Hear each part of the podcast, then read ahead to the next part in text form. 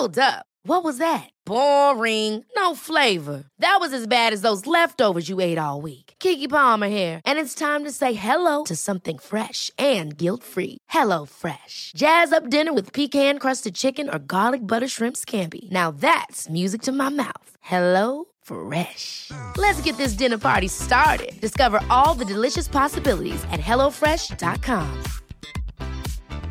Hey, it's Ryan Reynolds, and I'm here with Keith, co star of my upcoming film, If, only in theaters, May 17th. Do you want to tell people the big news? All right, I'll do it. Sign up now and you'll get unlimited for $15 a month and six months of Paramount Plus Essential Plan on us. Mintmobile.com slash switch. Upfront payment of $45 equivalent to $15 per month. Unlimited over 40 gigabytes per month. Face lower speeds. Videos at 480p. Active Mint customers by 531.24 get six months of Paramount Plus Essential Plan. Auto renews after six months. Offer ends May 31st, 2024. Separate Paramount Plus registration required. Terms and conditions apply if rated PG. Hiring for your small business? If you're not looking for professionals on LinkedIn, you're looking in the wrong place. That's like looking for your car keys in a fish tank. LinkedIn helps you hire professionals you can't find anywhere else, even those who aren't actively searching for a new job but might be open to the perfect role. In a given month, over 70% of LinkedIn users don't even visit other leading job sites. So start looking in the right place. With LinkedIn, you can hire professionals like a professional. Post your free job on linkedin.com slash achieve today.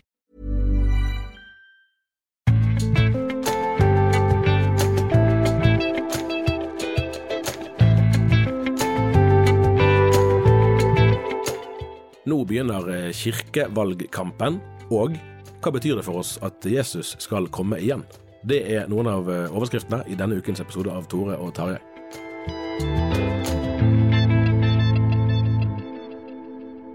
Her i studio sitter jeg, Tarjei Gilje. Tor Hjalmar Sævik han er syk i dag. Eh, Det er ikke noe alvorlig, men han var forhindret fra å være med. Men jeg har fått to gode erstattere. Den yngste først, da, Daniel Skydland, kollega her i avisen. Hjertelig velkommen. Du har ikke hatt med før, er du det? Eh, jeg har vært med, med på en en episode i sommer. Ja. Stemmer. Mm. Ja. Ja. Og så Eivind Algerøy. eh, Du har jo vært her to ganger nylig for å snakke om Levende Ord-podkasten, men nå er du her i kraft av å være reportasjeleder. Ja, så jeg skal prøve å snakke om noe annet. det, det skulle gå veldig fint. Vi begynner eh, i det ganske umiddelbare. Nå er vi jo da på vei inn i Ja, vi er kommet et lite stykke inn i mars. Eh, og nå på lørdag er det årsmøte i Åpen folkekirke, og lørdagen etterpå er det årsmøte i Frimodig kirke, som er to av de som stiller lister til eh, kirkevalget i eh, september. Hva har du inntrykk av, Eivind, som eh, kirkevalgkamp? Det er jo egentlig et sånn begrep som vi ikke hadde hørt om kanskje for noen år siden. Nei, det er jo litt i, i saken kanskje å forklare det at det er jo faktisk veldig nytt her til lands. Sverige har vel mer hatt det Ja, der har jo partiene har partiene hatt lister til. Mm. Ja.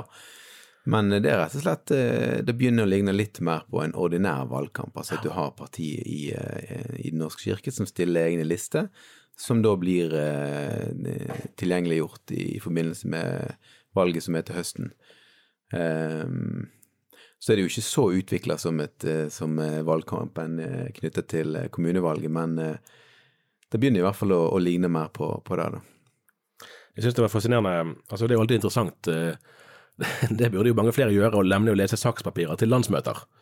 Eh, Til, til politiske partier så kan det være ganske mye å lese, så det kan være krevende.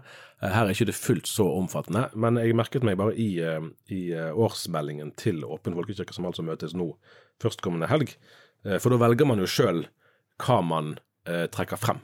Hva er det man ser på som viktig? Seire eller tap, men hva er det man faktisk gir oppmerksomhet? Eh, og Det som står her da, er at Åpen folkekirke har jo nå hegemoni, de har makten i Den norske kirke, og skriver at under vår ledelse så endrer vi Den norske kirke sakte, men sikkert, og skaper en tydeligere demokratisk bevissthet, og bidrar til at kirken i stadig mindre grad gjør forskjell på folk. Så begge de betoningene kan man godt forstå, altså ut fra sånn som Åpen folkekirke profilerer seg sjøl, så er dette gjenkjennelig. Eh, Men det er vel ikke noe, vi tar ikke for hardt i hvis vi sier at eh, Frimodig kirke kommer til å ha en helt annen betoning i sitt program. Ja, det, det tror jeg er ganske naturlig, og det er klart man skal ikke kanskje dømme et program på hva det ikke sier noe om, nødvendigvis, fordi at dette her er vel det som man i øyeblikket ser som viktigst, eh, kanskje da, å endre, mens forkynnelsen og, og messene og dette her går sin gang, så for all del. Men ja, det det, kan riktig. jo Og, det, og det, det gjelder jo òg med både Høyre og Arbeiderpartiet og alle, at man sier jo ikke alt man står for hver gang. Men likevel så, så er det vel nærliggende, og, og ja, det er vel et poeng, da, i hvert fall, kan man si. Man velger jo sjøl hva man sier først. Og det er gjerne ikke helt, helt tilfeldig. Eh, og så er det jo den, den eh, interessante dynamikken at, at Åpen folkekirke fikk over 50% av stemmene ved forrige kirkevalg. Eh, 160 000 velgere oppgir de sjøl at de hadde. Samtidig som selve organisasjonen ikke hadde mer enn 638 betalende medlemmer i 2022. Det er jo egentlig ikke flere enn en, en middels stor frimenighet i en norsk by. Nei. Eh, Så det er et veldig, og, og sånn er det jo, altså de politiske partiene har jo mange flere velgere enn de har medlemmer, men vi er kanskje vant til å tenke litt annerledes om kirkelig tilhørighet. At det er liksom de som går i kirken som er Ja, det, det, er finurlig, for det, igjen, det er jo ikke noe galt i å gjøre det på den måten, men man kan jo stille seg spørsmålet hva, hva type bevegelse er dette her, og hvem er det som har egentlig makta faktisk i Den norske kirke sin regjering, eller hva man skal kalle det for, da, eh, kirkemøte. Eh, hvem representerer de? De representerer vel åpenbart tidsånden i, i det moderne Norge, tenker jeg, men kirkemessig, hvem, eh, hvem er denne ja. bevegelsen her? De har et mål om 3000 medlemmer, leser jeg, eh, mens det har gått fra, fra sånn 500 og noen 600 de siste Ja, de var nede i 400 eh, i 2018, tror jeg. Eh, sånn at eh, det utvikler seg, men det er ikke en veldig stor eh, vekst. Nei, det er jo det som noen har spurt, eh, stilt seg spørsmål om, er jo òg hva er på en måte neste steg for, for denne grupperingen? Sant? Hva er den neste kampsaken?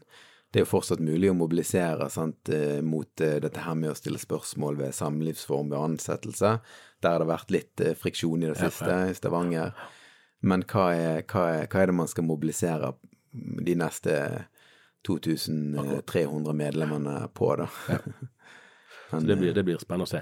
Og så er det jo en, en altså Åpen folkekirke er jo, er jo rettet inn mot kirkedemokratiet. Altså denne, denne, Det å drive valgkamp, er jo, og det er jo noe skvært med det, for da handler det om å blankpusse eh, argumenter og posisjoner og, og forhandle eventuelt der man kan det med, med andre eh, fraksjoner.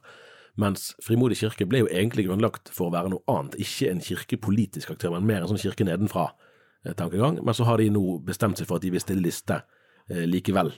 Um, men de er jo ikke egentlig rigget på samme måten Nei, og det, for dette det. er jo paradokset, sant. For at eh, du har en aktør som er, som du sier, skapt til formålet, og så har du en egentlig en forholdsvis stor gruppering i Den norske kirke som, som ikke helt liker dette her, og som kanskje litt motvillig blir pressa inn i denne formen for maktutøvelse.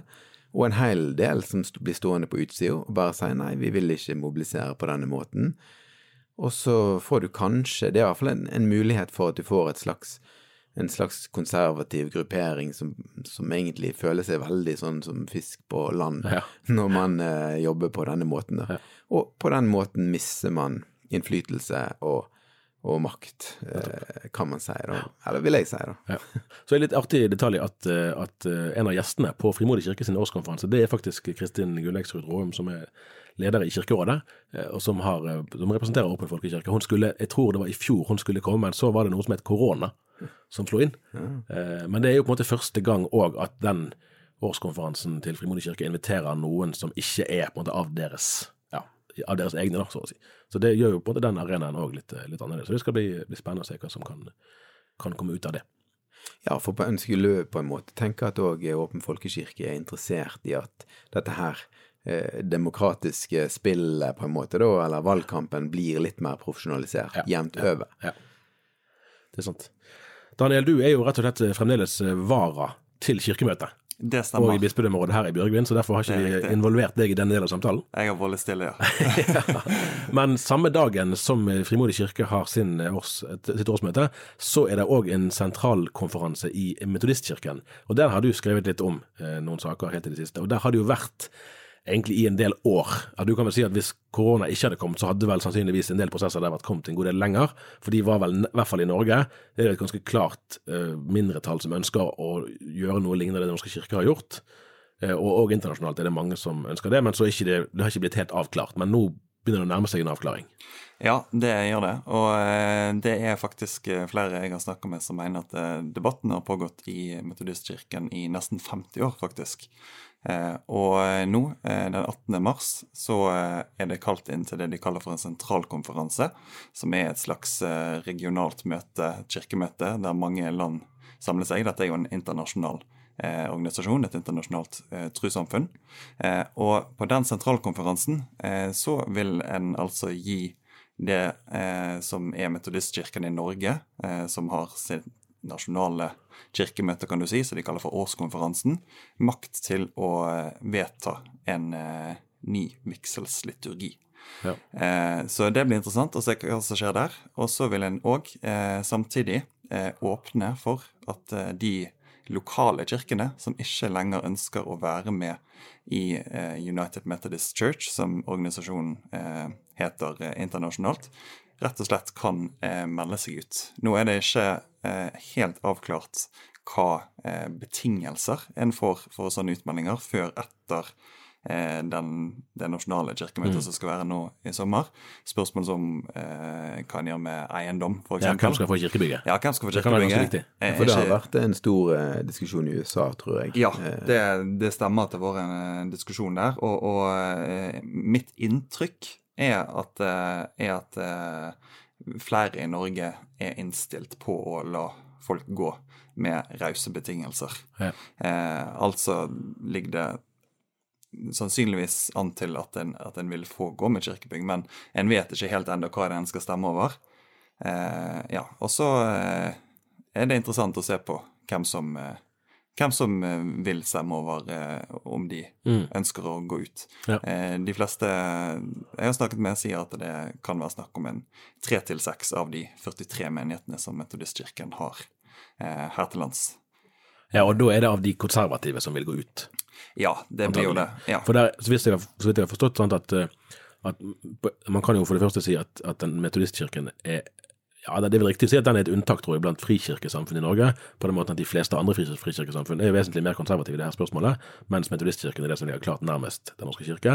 Og for sett og vis kan du kanskje si at de egentlig er kommet lenger enn Den norske kirke, på den måten at det virker som at det liberale flertallet egentlig nesten er større der enn i folkekirken. Det, er jo, eh, det ligner jo veldig på Den norske kirke i den forstand at det er store variasjoner mellom menighetene og internt i menighetene. Eh, og det som er interessant, eh, som kan oppstå, er jo at eh, en krever to tredjedels flertall i et lokalt menighetsmøte eh, for at en skal melde seg ut. Det er iallfall en av premissene som er foreslått. Nå er ikke dette vedtatt ennå før 18. mars, men det er en av premissene som er foreslått. Eh, og Da kan det tenkes at du har en menighet med 100 eh, personer, der 65 av de ønsker å melde seg ut, men ikke får tilstrekkelig flertall. Hva skjer med menigheten da? Det blir interessant å følge med på. Ja. Nei, det er my mye, mye smerte og vanskeligheter der. Altså der jeg tror det var at i løpet var 2020 så sto det vel i sakspapirene til en sånn her eh, årskonferanse, altså det som er landskonferansen, da, at, at man styrer mot eh, splittelse. Altså Det er det man regner med. Det, for det er jo det Den norske kirke for eksempel har prøvd eh, for alle krefter å unngå. At Og en- kirken blir delt. En hadde jo eh, eh, egentlig planlagt en, en det en kaller for en generalkonferanse eh, i 2020, tror jeg, eh, der en var åpen om at eh, nå eh, går det antageligvis mot at metodistkirken eh, deler seg. Eh, og så kom korona, eh, og den ble utsatt og utsatt, og nå er den utsatt til 2024. Og forrige gang de samles var i 2018, da under en ekstraordinær Ja. generalkonferanse. Em, og nå er det sånn at folk ikke har ville ventet til denne generalkonferansen, der en antageligvis ville Eller iallfall en, en sa at en, en, en trodde at Metodistkirken kom til å splitte seg på, på den som skulle være i 2020.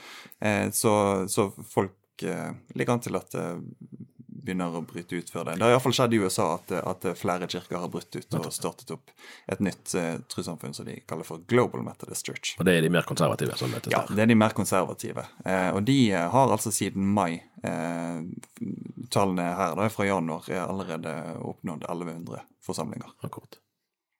På under et år. Jeg tror du var i ferd med å si noe, Eivind. Ja, det er jo interessant å tenke på. Sant? Hva eh, er det en forskjell i dynamikk på hvordan det ville vært hvis man hadde en stor samling i 2024 der, man, der spørsmålet var på dagsorden, der det var åpenbart det ble en splittelse, og så, må, og så måtte man eh, man diskuterte med, med den, de store konsekvensene. Eller sånn som det blir nå, da. At det blir mindre regionale samlinger der til slutt enkeltmenigheter må ta stilling eh, til spørsmålet. Da. Det, jeg vet jo ikke svaret på det, men det er interessant. Det er en stor forskjell. Ja, Det er jo- òg interessant i den forstand at hvis det hvis det, sånn som i USA, der mange konservative har meldt seg ut, så vil jo stemmetallene på den generalkonferansen, som er det øverste nivået som kan vedta lære, eh, endre seg litt. Eh, og så har en jo òg her i Norge, eh, på eh, den årskonferansen, altså Metodistkirken i Norges kirkemøte, eh, nå i sommer som var, eh, sagt at eh, dersom en prest skulle komme til å vie et likekjønna par, så vil det ikke få konsekvenser for han. så det òg er jo en interessant sånn ja, ja. mekanisme her som en har brukt. Så er Det jo sant, altså, det er jo ikke noe sånn direkte parallell, men, men eh, forsvarssjef Eirik Kristoffersen skriver i boken sin 'Jegerånden' om at, eh, og nå siterer jeg litt sånn fritt, at, eh, at amatørene snakker om taktikk, mens de drevne snakker om logistikk. Og Det er bare liksom poeng til det som du er inne på, Eivind, at ofte man kan ha mange slags argumenter om teologi, og gjelder i politikk, sant, om, om alle mulige saker, og så ofte er det helt sånn praktiske. Det er der det egentlig avgjøres i en eller annen sånn helt sånn tilsynelatende prosaisk. Derfor er det f.eks. hvordan skal du måle delegater til et landsmøte? Hvem, hvem skal ha vekt? Sånn, hvor mange skal, stemmer skal de få? For det, er det som gjerne vipper. Så da får vi jo se eh, hva som skjer både nå i mars og til sommeren, da, og i tiden fremover. Det blir interessant å følge med. Virkelig. Da tror jeg vi venner oss til det som eh, for så vidt er denne episodens hovedtema, og det skulle jo være vidløftig nok, nemlig eh, syn på eller forståelse av Jesu gjenkomst. Intet mindre. Eh, og Bakteppet for dette det er jo allment aktuelt, eller skulle i hvert fall være det for kristne mennesker. Eh, det er jo at Leif Jacobsen, eh, som du Eivind har hatt en del med å gjøre i Leve Nord-podkasten i det siste, han er jo òg metodistprest, apropos. Han har skrevet bok om Jesu gjenkomst, og du Daniel har skrevet litt om Du har intervjuet han om den, om den boken. Og da, bare for først for å høre, Du har jo akkurat studert teologi sjøl. I hvilken grad var på en måte bevissthet eller interesse for Jesu gjenkomst en del Altså, Vi snakker om det i trosbekjennelsen skal komme igjen for å dømme levende og døde. Bryr teologer seg om det, for å si det litt enkelt? Det er jo eh, Altså, en, er jo inne på temaet, men jeg går inn i det på en litt annen måte enn det Leif Jacobsen gjør, for å si det sånn. Ja. Eh, nå er jo dette et spørsmål eh, som en i den faglige teologien eh, ofte diskuterer ut ifra hvordan en skal tolke f.eks. Johannes' åpenbaring, mm. som er veldig vanlig å å bruke når en skal si noe om, om de siste tider. Eh, og der eh, bruker en jo ofte tolkningsmetoder eh, som eh, eh, som ikke legger til grunn at vi skal forstå ting bokstavelig, eller at vi skal forstå ting i vår tid, i lys av det som står i eh, Johannes' åpenbaring. Eh, det er bl.a. En, en veldig sånn utbredt tolkningsmetode eh, som en teolog som heter Rudolf Bultmann kom med, som heter avmytologisering. Eh, og det går egentlig ut på, som ordet sier, eh, at eh, en må distansere seg fra den mytiske eh, forestillingsverden eh, som eh, forfatterne av Det nye testamentet mm. hadde, og, og, heller tolke Bibelen mer sånn eksistensialistisk, altså at en så å si tolker det mer, mer billedlig, da. Mens Leif Jacobsen eh, går jo ganske konkret inn i eh, tegn som man ser eh, i tiden. Han sier annet at eh, det at vi ser eh, klimaendringer i vår tid, er et tegn som Bibelen peker på. Og så trekker han fram noen vers fra Johannes' åpenbaring mm. Og sier at dette kan forstås eh, i lys av det som skjer i vår tid. Mm. Så det er på en måte en helt annen inngang til tematikken enn det den faglige, ja. eller iallfall den faglige teologien som jeg opplærte i, i, har til, til her. Da. Så det er mm. egentlig et spørsmål om hvordan, hvordan tolker vi hvordan tolker vi Johannes' åpenbaring? Hvordan mm. tolker vi profetier? Ja, ja. Du Eivind har jo også vært, eller du er jo for så vidt òg menighetsleder, eh, og i, i, din og min generasjon, og yngre, eh, dette var jo noe som våre foreldre diskuterte masse på bedehuset. Ja, det var det, og jeg tror det er rett å si at vi kanskje i hvert fall deler av bedehuslandskapet, og sikkert òg frikirkelig og kanskje pinse karismatisk, ble påvirka veldig av, av USA og amerikanske, amerikanske stemmer der som, som gikk inn i, uh, i, Daniels bok, som gikk inn i Johannes' åpenbaring. Og Jesus òg har jo noen sånne apokalyptiske eh, utsagn om hva som skal skje i de siste tider. Inn og så tolka det, og satte det i et veld, veldig system. Eh, og da, da, kom her til lands, og det ble, det ble til og med sånne plansjer på veggene. Akkurat. Det hadde min farmor. Ja. ja, din farmor hadde det. Ja, ja, ja. Så, så, de diskuterte det, så spørsmålet om eh, gjorde vi det, sant, og vår generasjon. og jeg husker i hvert fall at, eh, at, det, ble drøfta litt. Eh, det husker jeg, altså. Eh, og, og, spørsmålet om vi lever i eh, de siste tider. Altså. Men nå var jo jeg en del av en, eh, en gjeng som, som ba masse sammen og pratet masse sammen og planta menighet etter hvert. Som var jo kanskje over gjennomsnittet interessert da.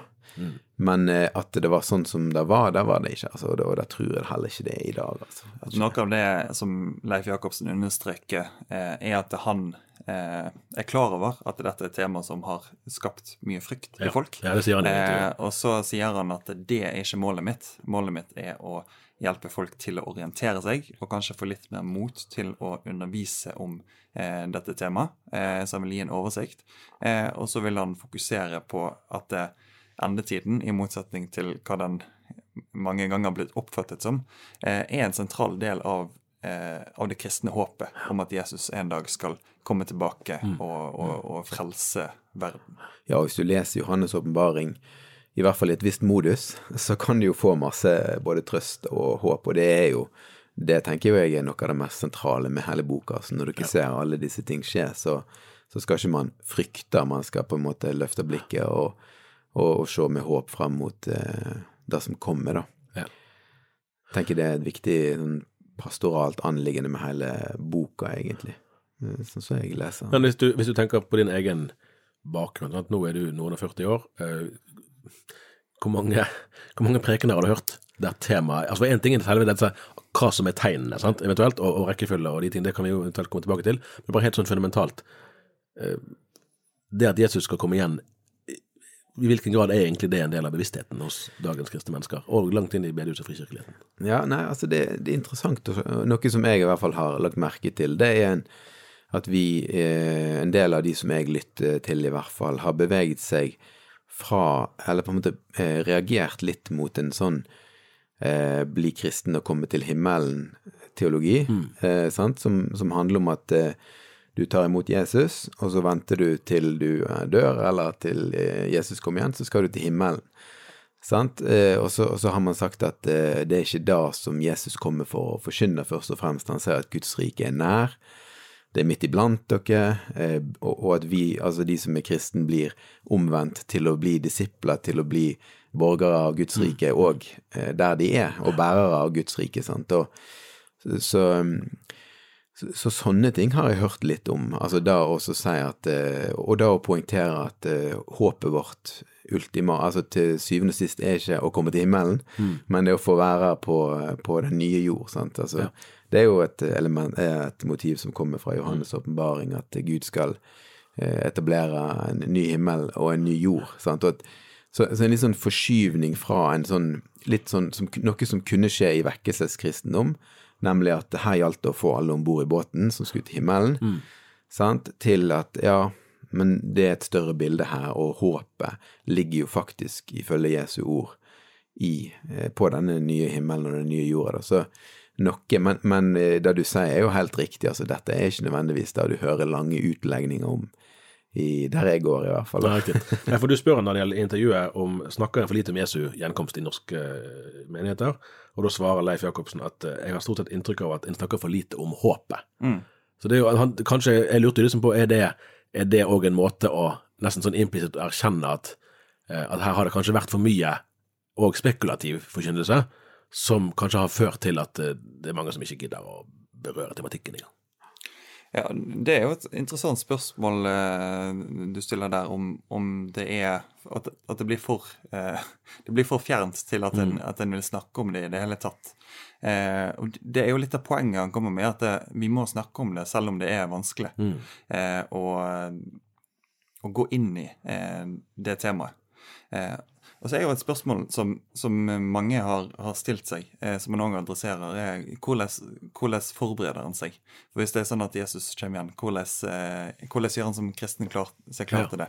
Og Da sier han helt enkelt at eh, de som tror på Jesus, de er klare. Jeg siterer fra intervjuet eh, at uh, Jacobsen skriver om hva som skal skje når Jesus har kommet tilbake. Da mener teologen at det en kaller tusenårsriket vil oppstå. Det bygger han på ei rekke utsegn fra Johannes' åpenbaring. Og så er sitatet det vil skje på et millisekund, så raskt at en ikke får det med seg før det har skjedd.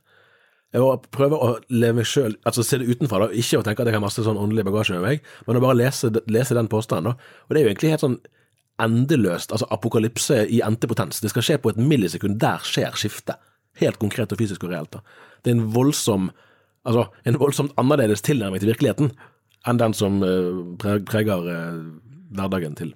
Ja, og, og kan- du kan jo nesten, eh, hvis du ser den tanken der på ei side, og en mye mer sånn organisk tanke da, om at dette her må skje gradvis.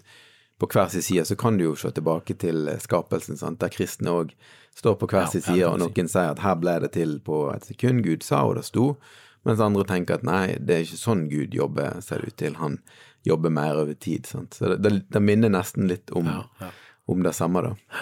Og det, det høres jo veldig sånn Det er vanskelig å det, det er jo en eh, det, det er jo en måte å forstå det på som, som forståelig nok, hvis en ikke får det nyansert eller, eller utlagt eh, sånn umiddelbart, kan oppleves litt sånn skremmende. Eh, at eh, plutselig ut av det blå så eh, skal folk få se inn i hva, hva, hva skal skje da? Ja, nei, det, var jo, det ble jo utlagt i disse Left Behind-filmene Ja, er på 80-90-tallet, kanskje. Ja, 90, ja, da, ja, 90, ja. Ja, Der, der du ser fly som krasjer fra himmelen, sant? fordi at Ja. pilotene rykker vekk. Og, men dette er jo. Det har jo blitt kritisk. jeg tenkte kritisert. på det, kan i hvert fall du huske, Eivind, når bandet DC Talk, som var store når vi var tenåringer i 90-årene, de tok jo frem en gammel Larry Norman-klassiker som het I Wish We'd All Been Ready, som utmaler veldig den her sånn, to stykker som går på åkeren, og den ene, eller to stykker som ektepar som sover i samme seng, den ene blir rykket opp. I wish we'd all been ready. Vi var i Oslo Spektrum og sang etter, det var et voldsomt alvor. Jo, men, men det er jo så spennende, for det er jo bibelteksten. Ja, ja, det er akkurat det sånn, Akkurat det. Ja. Så det, det, det, det er jo en spenning der, eh, utvilsomt. da. Men så er det jo viktig å understreke, som du sier, at det er jo en tolkning av, eh, av et bibelvers. Eh, det er vel et, et, faktisk et gitt bibelvers som, som sier akkurat det der at den skal bli rykka opp. opp. Eh, som er blitt veldig kritisert eh, av eh, folk som mener at det er ikke riktig måte å, å forstå det på. Samtidig som det her jo er en veldig utbredt tolkning. Ja, ja. Og så skildrer Jacobsen både altså for Han har tre tegn sånn, som peker mot, mot endetiden. Eh, sant, og Det er det vi ser rundt oss i dag, med naturell, altså naturlige endringer med klimaskifte og katastrofer osv. Så, eh, så på den positive siden at flere og flere får høre evangeliet. Skal, evangeliet skal forkynnes like til jordens ende, så skal eh, Herren komme, eller enden komme. Eh, og så er det opprettelsen av staten Israel fra 1948 som også blir et sånt tegn på at det nærmer seg. Så det er jo både positive og negative utviklingstrekk, om du vil, som i og for seg går hånd i hånd, og begge hver på sin måte peker mot endetiden, egentlig. Og det med Israel er jo litt interessant, fordi at eh, en kan jo si at eh, gjennom kirkehistorien så har en alltid trodd at Jesus snart skal komme. I hvert fall alltid vært en gruppering som har trodd at Jesus snart skal komme. Eh, og sånn jeg forsto eh, Jacobsen, så er det her med Israel eh, noe som han mener, slik jeg oppfatter han, eh, at eh, peker mot at eh, det er noe unikt med vår tid. da. Nå er jo det en stund siden 1948, men i et større bilde så er det ikke så altfor lenge siden. Nei, nei, det er sant. Ja, det er, altså, det er jo Forventningen om Jesu gjenkomst ligger jo, eh, er jo kanskje nesten aller sterkest i den helt første kirka. Ja, og der, de kommer det ikke unna det at det er litt sånn teologisk eh, altså, Eller eh, ja, at de trodde at dette var enda mer Hvis de hadde visst at 2000 år senere så sitter vi her, så ville det kanskje vært en overraskelse. I hvert fall helt i starten, men det, kan, det er ting som tyder på at allerede innenfor tidsrommet av eh, de bibelske eller de nytestamentlige forfatterne, så skjer det en liten sånn endring, og litt sånn at de skal komme De, de skal forstå det De forstår det kanskje på en litt ny måte, og, og hvis, han, hvis han drøyer, så, så er det av, av gode grunner, videre. Du ser noen sånne Det er flere bibelforskere som mener å kunne se, se en endring i, i spesielt Paulus' eh, forhold til det her, da. Eh, at han eh, mer og mer forstår at eh, han kanskje ikke får, eh, får oppleve det. Nå sier jo ikke Paulus det eh, eksplisitt noe sted i Det nye testamentet, men det er noe med hvordan han uttrykker seg som gjør at det er flere menn, at spesielt han da eh, har en utvikling i sin forståelse av hvor tid det vil skje. Ja, og så kan du tenke på Johannes, som antageligvis skriver rundt eh, år 90, kanskje, Johannes evangelium, sant, og der òg er, det ting som kan tyde på at man, at man tenker på eh, tid skjer dette her, hvorfor har det ikke skjedd, og så videre. Og det er jo helt naturlig. Ja. Jeg tenker det skulle være rart hvis man ikke tenkte det. Ja, ja, ja. Akkurat. Nei, dette, dette skulle i hvert fall være, være nok eh, å tenke over. Eh, Ja. Her er det mye å utforske. Jeg tenker jo da at eh, eh, til spørsmål helt i begynnelsen, hva handler Johannes' åpenbaring egentlig om? sant? Så har iallfall jeg hatt nytte av å, å tenke på at eh, eh, det handler om kosmos. Ja, det handler om de ytterste ting. Det handler litt om verden, om ting som skjer i verden, og da kan man, tenker jeg, både tenke på det som skjedde der og da rundt de første kristne, men òg om hvordan eh, krefter utspiller seg eh, i verden i dag, men òg på individuelt plan. Altså at eh, Johannes' åpenbaring og endetidsforkynnelse har et budskap til den enkelte kristne, og da handler det i veldig stor grad om å rett og slett sette sin lit til Kristus, da. Og at man kan finne trøst og håp i, i det. Og så tenker jeg et, et, eh, sånn poeng med bibeltolkning eh, av tekster som vi bruker på å forstå vår egen tid, er jo at eh, de nytestamentlige forfatterne og Jesus eh, brukte ganske sånn uhemma tekster til å forstå sin egen tid. Eh, det er nok eh, ikke usannsynlig at eh, med den tolkningsmetoden som de brukte, så ville de kanskje ha strøket på teologieksamen i dag. Eh, Det var derfor jeg bomret litt når du sa det med at det er en forskjell på tilnærming til teologen og til Leif Jacobsen. Ja. Akkurat den spenningen der. den det sånn, ja. så, men, eh, men, det, men eh, Jesus og, de- og, og, og forfatteren Det Nye testamentet sjøl er ganske sånn eh, ja, eh, nesten si hemningsløs i sin, sin bruk av hvordan de bare tar er tekster for å forstå sin egen tid. Fascinerende utsagn fra din tid. Ja, akkurat. Mm. Ja, det, det er ikke tvil om at det er jo helt riktig. Altså Hvis du leser Matteus, kanskje særlig, sant? han forklarer hele tida hvor de profetiske linkene er fra, fra Det gamle testamentet, eller fra, ja, fra Israels historie. sant? I, i, og i mye, i mye sånn akademisk nytestamentlig eh, fortolkning, eh, så ville en jo sagt at eh, hvis du leser Johannesevangeliet, så skal du ikke dra inn eh, noen andre tekster. Da det er Johannesevangeliet du leser. Altså det å drive og referere til profeter er helt eh, irrelevant, med mindre eh, forfatteren sjøl gjør, gjør det.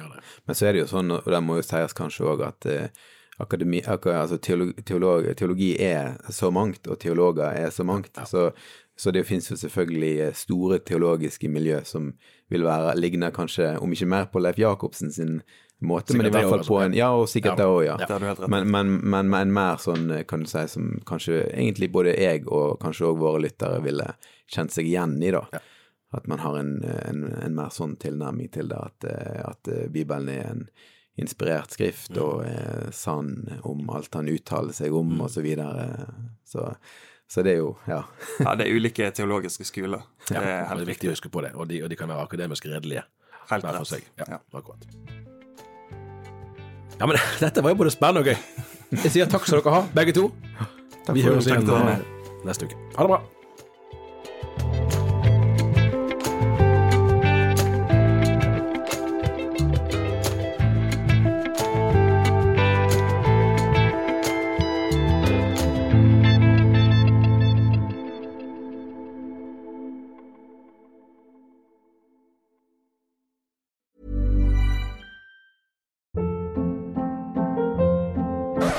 Up. What was that? Boring. No flavor. That was as bad as those leftovers you ate all week. Kiki Palmer here, and it's time to say hello to something fresh and guilt-free. Hello Fresh. Jazz up dinner with pecan-crusted chicken or garlic butter shrimp scampi. Now that's music to my mouth. Hello Fresh. Let's get this dinner party started. Discover all the delicious possibilities at hellofresh.com.